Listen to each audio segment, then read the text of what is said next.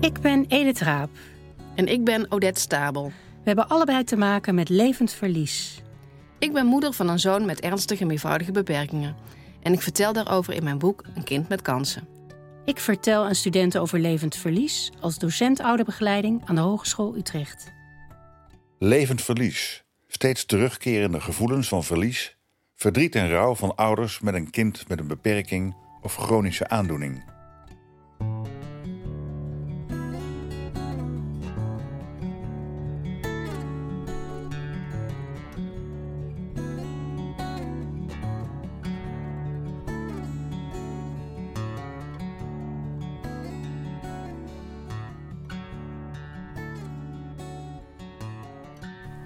Vandaag praten we met Tanja van Roosmalen, rouw- en verliestherapeut. We reizen af naar haar huis met kantoor en voeren een lang gesprek. Als we naar buiten lopen, besluiten we twee podcasts van het gesprek te maken, want Tanja heeft veel te vertellen. Dus volgende maand een bonuspodcast met Tanja van Roosmalen. Maar eerst nestelen we ons in haar kantoor, dat vol staat met boeken en duplo-poppetjes.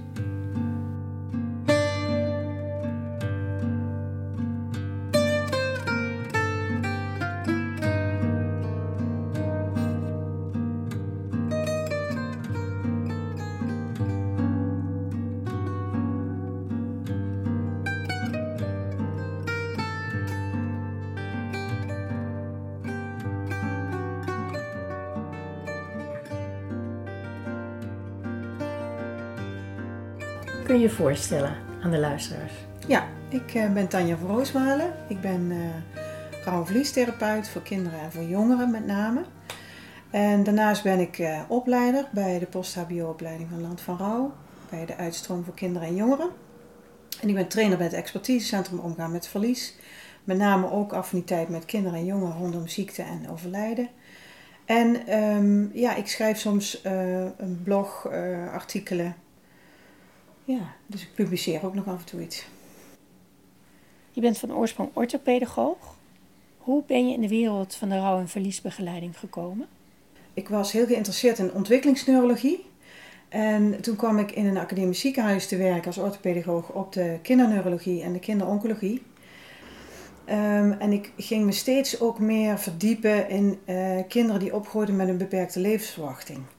Um, en waar, wat me daarin zo raakte was dat ik zag dat kinderen tot echt tot het laatste moment alles uit het leven willen halen.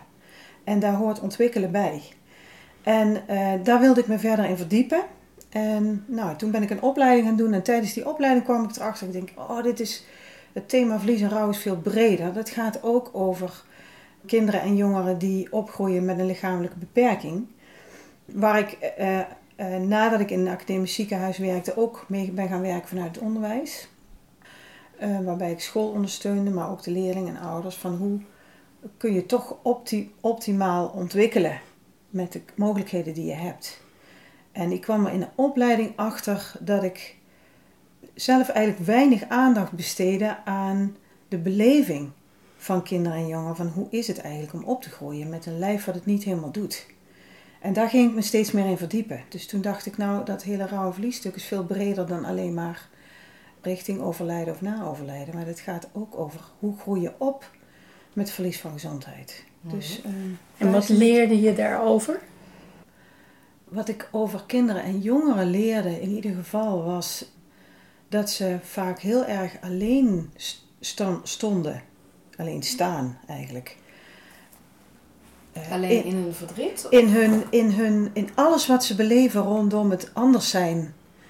Uh, rondom het zich moeten verhouden tot je ziekte of tot je beperkingen.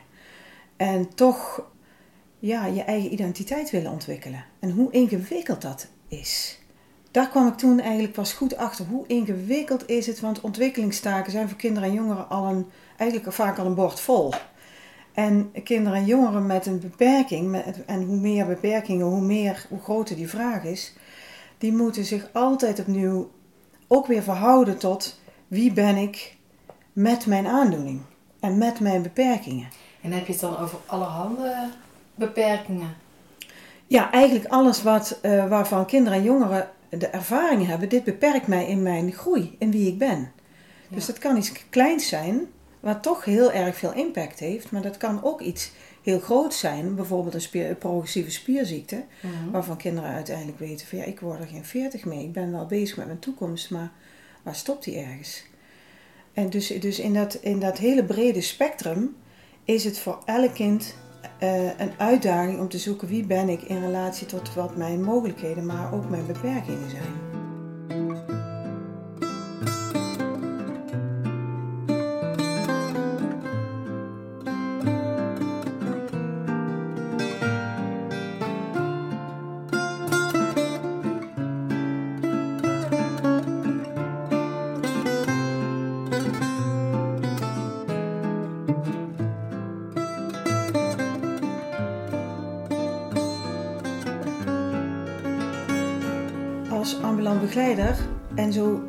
Kijken we ook in de zorg en in het onderwijs, zijn we ontzettend bezig met deze groep kinderen om te kijken naar de mogelijkheden en hun kansen en wat ze wel kunnen. En dat is een groot goed, want daarmee leren kinderen ook verder te kijken dan wat ze niet kunnen.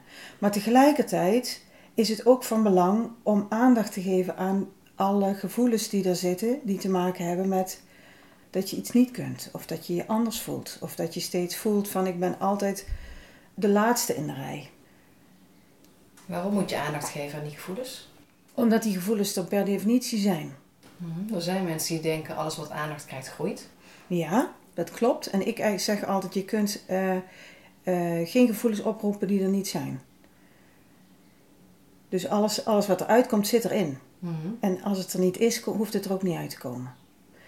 Dus, en ik denk per definitie dat, je, eh, dat er bij kinderen en jongeren altijd, als ze zich bewust zijn, dat is misschien nog wel een mooie voorwaarde om te bespreken, eh, als ze zich bewust zijn van ehm, dat ze een lijf hebben wat niet functioneert zoals het optimaal zou moeten, dat, dus het lichaamsbesef, en ze hebben een ik-besef, dus ze hebben een dermate verstandelijke ontwikkeling dat ze kunnen beseffen: ik ben ik en ik ben iemand anders dan jij.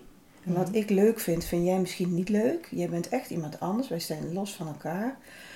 Als, ze als kinderen dat niveau hebben, dan kunnen ze zich dus ook eh, vergelijken met anderen. En eh, dan komt er altijd wel een moment waarop ze zich realiseren: oh, dit kan ik dus niet. En dat heeft te maken met mijn aandoening. En daar, daar komen altijd gevoelens bij kijken. Maar als wij als volwassenen, gewoon even in het brede, of dat nou ouders of volwassenen of, of professionals zijn, daarmee omgaan door te zeggen, maar, maar er zijn toch heel veel dingen die je ook kunt. En we geven geen aandacht, of er is geen erkenning voor dat je ook gefrustreerd kunt zijn, omdat je altijd de laatste bent. Of omdat je het min, minst hard kunt lopen en moeilijker dus met de, met de gym mee kunt doen. Dan slaan we dat stukje over. En dat vind ik even belangrijk dan aandacht schenken aan de mogelijkheden. Want als je dat overslaat, wat gebeurt er dan? Ja, ik denk dat, eh, dat die gevoelens dan ondergronds gaan. En ondergronds kan betekenen dat het in het lijf gaat zitten. En dan moet ik denken aan een voorbeeld van een... eh, ik begeleid een meisje met een progressieve spierziekte. Die natuurlijk opgroeide met een lijf waar, eh, wat steeds minder goed functioneerde. Haar spieren werden steeds slapper. En zij zat ook heel slecht in haar vel. En we kwamen erachter dat de, momenten dat zij zich heel slecht voelde, heel eenzaam en heel anders dan anders. En zich zorgen maakte over, ja, kan ik straks wel naar een school waar ik naartoe wil? Want ze zat in groep 8. Ehm, dat, eh, dat ze zich realiseerde dat als zij zich slecht voelde, dat haar spieren dan ook nog slapper werden daarvan. Dus het gaat ook in je lijf zitten. Gevoelens gaan in je lijf zitten. Dus dat is een manier waarop het ondergronds kan gaan. Dus bepaalde klachten, als spierslapte of extra vermoeidheid of meer pijnklachten, kunnen ook gerelateerd zijn aan emotionele beleving. Dus dat is een uitingsvorm. Als het ondergronds gaat, komt het er op die manier uit. Maar het kan er ook op een andere manier uitkomen. Dat kinderen bijvoorbeeld zich enorm gaan terugtrekken. En daardoor het gevoel hebben, zie je wel, ik hoor er niet bij. Maar juist omdat ze zichzelf terugtrekken, dus ook niet meer zelf initiatief gaan nemen. Of misschien juist heel snel uh, ruzies gaan maken met andere kinderen. Omdat ze steeds het gevoel hebben, ik moet altijd vechten voor mijn plek. Ik ben nooit gelijkwaardig met anderen. zie mij nou eens voor wie ik ben. Terwijl anderen misschien helemaal niet doorhebben wat daar dan voor een verhaal onder zit. Dus als er geen aandacht is voor die, voor die emotionele kant, voor die beleving, dan denk ik dat we, dat we eenzijdig kijken naar hoe het is om op te groeien met beperkingen.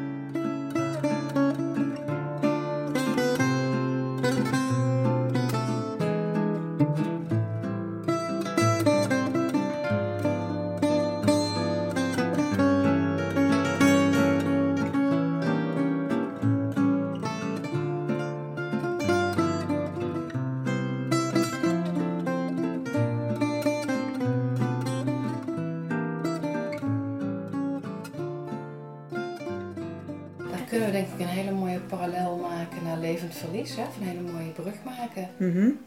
Als jij het trouwens hebt over die gevoelens van kinderen met beperkingen, in mijn ogen is dat levend verlies, maar dan hè, de, de rouw Ja. je eigen beperkingen. Ja, ze zullen het zelfs nooit zo noemen, denk ik. Ja, maar ik denk wel dat het zo is. Dat levenslang, als je flinke beperkingen Absoluut. hebt, dat terugkomt. Absoluut. En ehm, ik ga ervan uit dat jij in jouw werk ook te maken hebt met ouders van Ja. kinderen met beperkingen. Mhm. En als we het dan hebben over levend verlies, wat betekent de term dan voor jou? Zowel richting de kinderen als richting die ouders? Ja, voor mij betekent die term dat, dat eh, zowel kinderen en jongeren als, maar ook broers en zussen, die betrek ik er ook maar meteen bij, en hun Mhm. ouders, opgroeien met, met een verlies wat zich steeds opnieuw op een andere manier weer aandient. En dat heeft natuurlijk heel erg te maken met eh, het opgroeien in de ontwikkeling, dat er iedere keer weer nieuwe uitdagingen bij komen of nieuwe zorgen bij komen. Dus het is zo'n verlies waar iedere keer in een andere vorm een nieuw aspect bij komt, waar je weer, ja, waar je weer iets mee moet, waar je weer langs moet, waar een, wat een actie vraagt of wat uiting van, eh, van, van pijn vraagt. Maar in ieder geval is, komt, het, ja, komt het iedere keer weer terug, maar dan in een andere vorm. En ik, ik, ik vind altijd die term eh, growing into deficit, vind ik een belangrijke. Help ons even deficit tekortkomingen. Ja, dus het Groeien groeien in je, in je tekortkomen, heeft, he- dat, dat heeft te maken met eh, dat naarmate je je kind in de ontwikkeling, of dat nou motorisch, verstandelijk, emotioneel, hè, dat, dat, dat- even dat allemaal bij elkaar, maar in zijn ontwikkeling ehm, niet zo'n grote sprongen meer maakt, wordt de afstand ten opzichte van gezonde leeftijdsgenoten steeds groter. En dan groei je als het ware steeds meer in je beperkingen. Dus een kind wat met acht maanden nog niet kan zitten, is nog niet zo'n punt. Als hij twee is, kun je ook nog een aangepaste buggy, waarin je in lichtstand kom je ook nog een heel eind. Maar als hij 12 is of 16, dan is het wel een heel groot probleem. Dus dan wordt hetzelfde probleem, groeit eigenlijk qua beperking, omdat hij op, die, op een bepaalde leeftijd hoor je eigenlijk andere dingen te kunnen. Voor het kind dat het zich beseft en voor zijn familie. Ja, Wat is voor jou het verschil tussen growing into deficit en levend verlies? Nou, growing into deficit is veel meer het, eh, het verschijnsel dat, dat dus de afstand van eh, ten opzichte van eh, gezonde leeftijdsgenoten steeds groter wordt. Dat is iets wat je kunt waarnemen, wat, wat feitelijk vast te stellen is. Levend verlies is meer, wat is de impact daarvan op jouw leven? Dus het gaat veel meer over, over, over het gevoel wat daarbij hoort. Maar het heeft met elkaar te maken omdat naarmate die afstand steeds groter, dat verschil steeds groter wordt. En kinderen ervaren dat zelf bijvoorbeeld heel vaak als een jonger broertje of zusje hen in één keer motorisch, verstandelijk of met leren of zo in één keer voorbij streeft. Van wow, eerst was ik nog de oudste en kon ik, was ik degene die kon fietsen. En, eh, maar ik kan niet zelfstandig naar school fietsen, want dat is te ver. En nu kan mijn jongere broertje van twee jaar jonger, die mag in één keer zelfstandig op de fiets. Dus daar heeft het wel een, Ja. een, eh, een relatie met het groeien in je beperkingen en de impact die dat op dat moment dan heeft.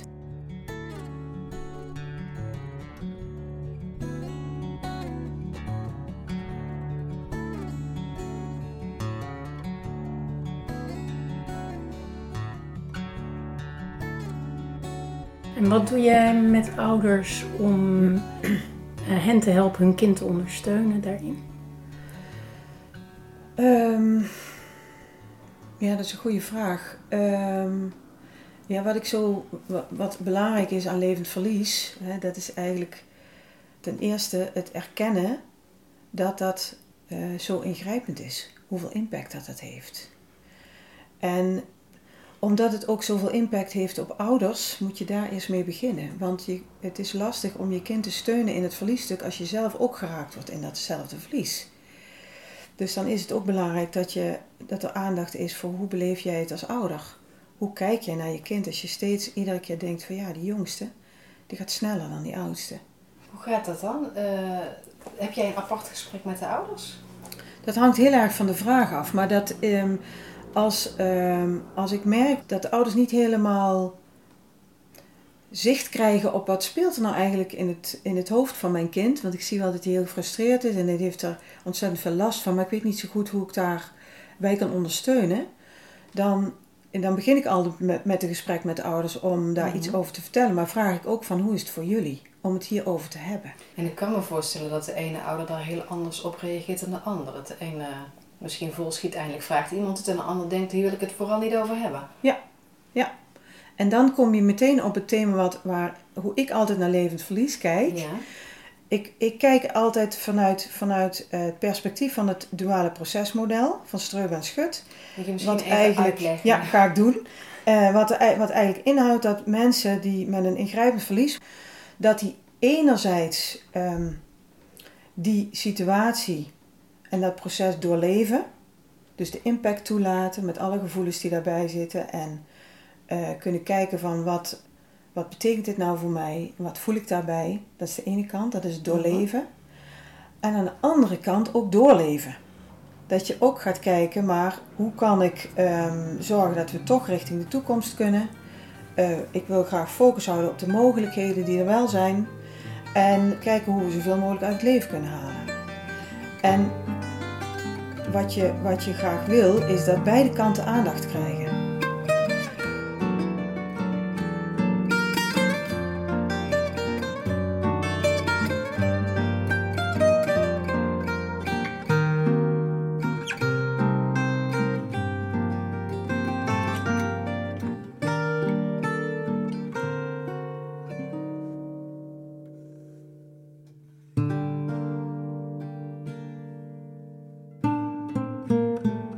Voor mij heel essentieel is bij levend verlies, is dat er een dimensie bij komt, die ik vaak in contact met ouders wel, ja, wel merk, is dat er ook een traumatisch aspect aan zit. En dat mis ik nog wel eens in, uh, als het gaat over levend verlies. Mm -hmm. Kun je dat uitleggen? Ja, het gaat namelijk niet alleen maar over rouw, maar het heeft een traumatisch aspect. En het traumatische, daarmee bedoel ik dat als een verlies zo overspoelend is, en uh, zo'n gevoel van controleverlies oproept, dat je dus niets kunt doen om je kind te beschermen, omdat je hem moet achterlaten op een OK voor een uh, hele zware hartoperatie, ik noem maar wat, waarvan je niet weet hoe krijg ik mijn kind terug uit de OK. Maar bijvoorbeeld ook omdat je kind moeilijk instelbaar is op, epilepsie. Of omdat je niet weet of, of dat je kind oud kan worden of niet. Weet je, dat zijn zo'n overspoelende situaties waarin je de controle compleet verliest. Dat, is, uh, dat, dat noemen we trauma. En hoe mensen omgaan met trauma is dat die meest heftige bedreigende gevoelens, die bij levend verlies horen, die gaan acuut achter slot en grendel. En uh, wat mensen gaan doen is in, in de overlevingsstand staan. Dus dan is het niet alleen maar doorleven, maar dan is het overleven. En dat kunnen mensen jarenlang volhouden omdat de stresssituatie dan zo hoog is dat het enige is wat ze kunnen doen is kijken, naar, kijken waar ik controle op kan krijgen. En controle kun je proberen te krijgen door heel goed voor je kind te gaan zorgen en er 24 uur per dag voor te zijn. Dat is bijvoorbeeld een manier om controle te krijgen. Manier kan ook zijn dat iemand zegt van ik ga alle wetenschappelijke onderzoeken na om te zoeken. Desnoods gaan we naar de andere kant van de wereld om daar een dokter te zoeken die precies weet wat mijn kind heeft en wat er voor nodig is. En ja, en alles daartussenin. Dus, dus mensen proberen op een of andere manier controle te krijgen op hun leven. Maar dat kun je dus alleen maar als de gevoelens zo traumatisch zijn, door daar niet naartoe te gaan, daar niet bij stil te staan.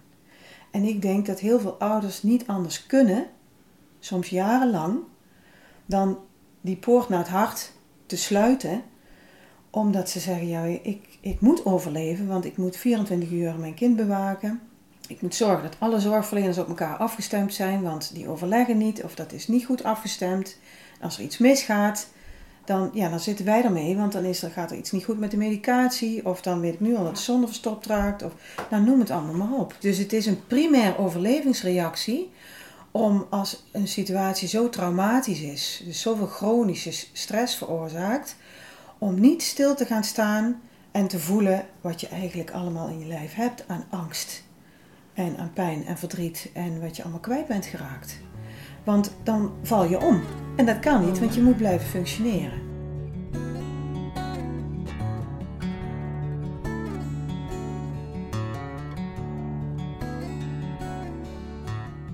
Maar dan stel jij de vraag, hoe is het nu eigenlijk voor jou? Dat is ja. best een gevaarlijke vraag. Nou, dat is ook zo. Dus dan moet ik daar, daar, het is belangrijk om daar heel zorgvuldig in te zijn. En om te vragen aan de ouder of het kind: hoe is het voor jou om naar dat stukje te gaan kijken?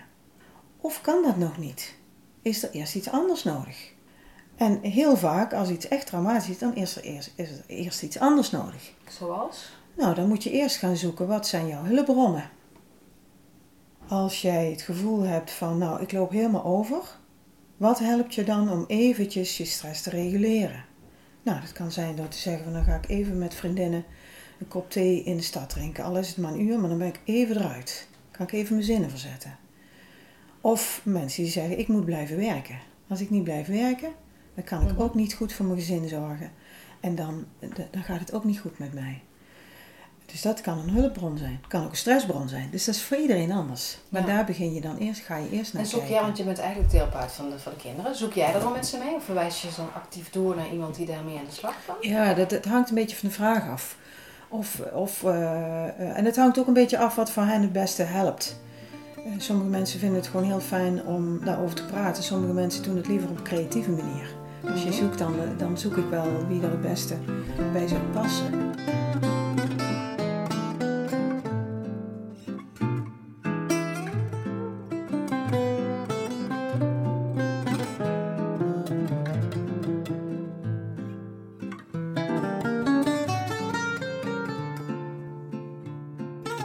Vind met name in, dat, in het thema levend verlies het zo belangrijk dat er, ehm, dat er aandacht is voor die verlieskant, dat dat er is.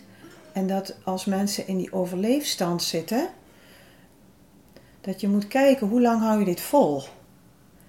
Want soms is het niet meer zo nodig om in de overleefstand te blijven, omdat ook dan de gevoelens ondergronds kunnen gaan. Mhm. En mensen alsnog door een hoeven gaan omdat ze veel te veel juist in die overleefstand blijven staan en niet goed voor zichzelf zorgen. En hoe zoek je dat uit? Van of ze inderdaad die overleefstand vol kunnen blijven houden? Nou, dat, dat, daar kunnen ze meestal zelf wel goed wel iets over zeggen. Van hoe lang denk je nog dit vol te kunnen houden? En wat is, daar, wat is er dan voor nodig om het vol te kunnen houden? Maar ik raak ook altijd even aan. Hoe zou het voor jou zijn als we stil zouden staan bij wat je eigenlijk allemaal verloren bent door wat er gebeurd is. Als iemand dan ehm, zegt van nou dat is veel te groot voor mij, daar, daar kan ik nu geen woorden aan geven. Dan vraag ik bijvoorbeeld, ehm, ja, kun je het aangeven op een andere manier? Tanja geeft een voorbeeld uit haar werk. Hoe je zonder veel woorden stil kunt staan bij gevoelens. Ik had een keer een, deed een keer een een gastles uh, op een school voor voortgezet onderwijs voor leerlingen met een ernstige beperking die niet in het regulier onderwijs konden functioneren, maar wel een verstandelijke ontwikkeling hadden van HAVO-VWO-niveau. En ik had uh, voor deze leerlingen had ik een heleboel verschillende stenen meegenomen. Allerlei vormen, allerlei groottes. Die had ik op tafel gelegd en ik had aan die leerlingen gevraagd: zoek eens even met je ogen een steen op waarvan jij denkt die past voor mij het beste bij hoe ik me voel als ik denk aan mijn aandoening en wat dat met mij doet. En dan hoef je niet naar woorden te zoeken om uiting te geven aan wat, hoe het dan voelt. Eh, en het, het hoef je ook niet te laten overspoelen. En ja, dan, dan, dan is zo. Ja, dat, wat me dan zo raakte, is dat bijvoorbeeld een meisje zei van nou ik kies dan die hele gladde steen. Want dat voelt voor mij als een rots waar ik en waar ik totaal geen grip op heb. Omdat het veel te glad is, kan ik elk moment vanaf vallen. En de andere jongen die zei, ik kies juist voor een steen met een hele scherpe rand. Want iedere keer als ik naar het ziekenhuis ga voor een controle, dan komt er wel weer iets bij. Dan moet ik nog een keer extra in de week fysio. Of dan moet ik nog eens een keer mijn spalken opnieuw laten aanmeten. Ik word er gek van. En dat voelt voor mij iedere keer als een steek in mijn rug. En er was één jongen die op dat moment zei, die steen ligt er helemaal niet bij. Dus ik vroeg aan hem, wat voor steen zou er voor jou dan bij moeten liggen? Toen zei die past hier helemaal niet door de deur. Het is veel te groot. Nou, dan, dan krijg ik dus kippenvel. Ja. Want dan, in zo'n metafoor kan zo'n jongen heel duidelijk, precies duiden, Ja. zo groot is het voor mij. En dan sta ik er al bij stil. Ja, zonder dat ik iemand dwing om daar ehm, eh, heel diep op in te gaan. Dus iemand bepaalt zelf, dit kan ik erover zeggen of dit kan ik er in een vorm over, van laten zien. En dat is het.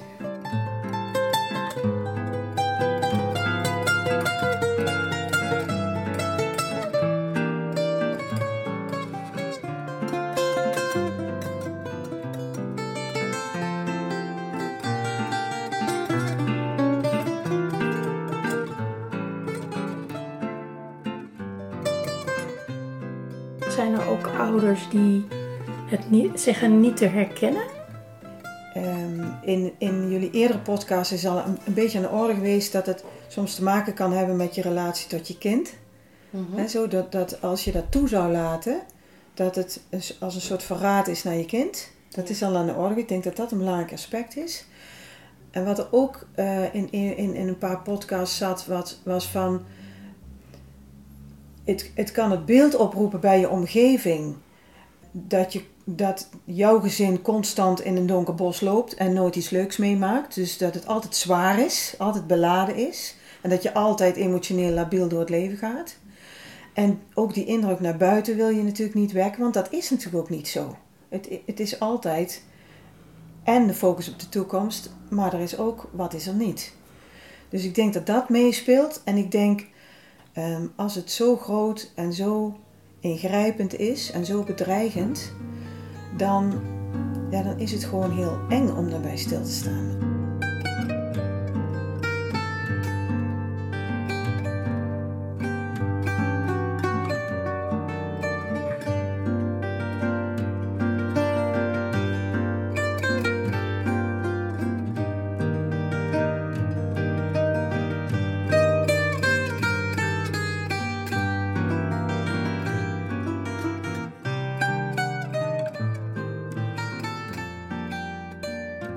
Je hebt geluisterd naar Tanja van Roosmalen.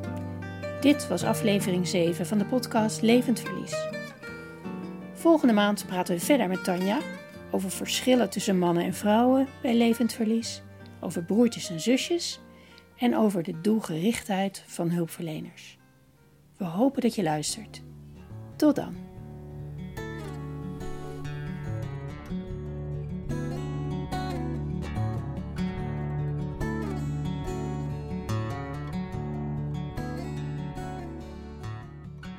Laatste zondag van de maand een gesprek over levend verlies. Abonneer je op onze podcast levend-verlies.nl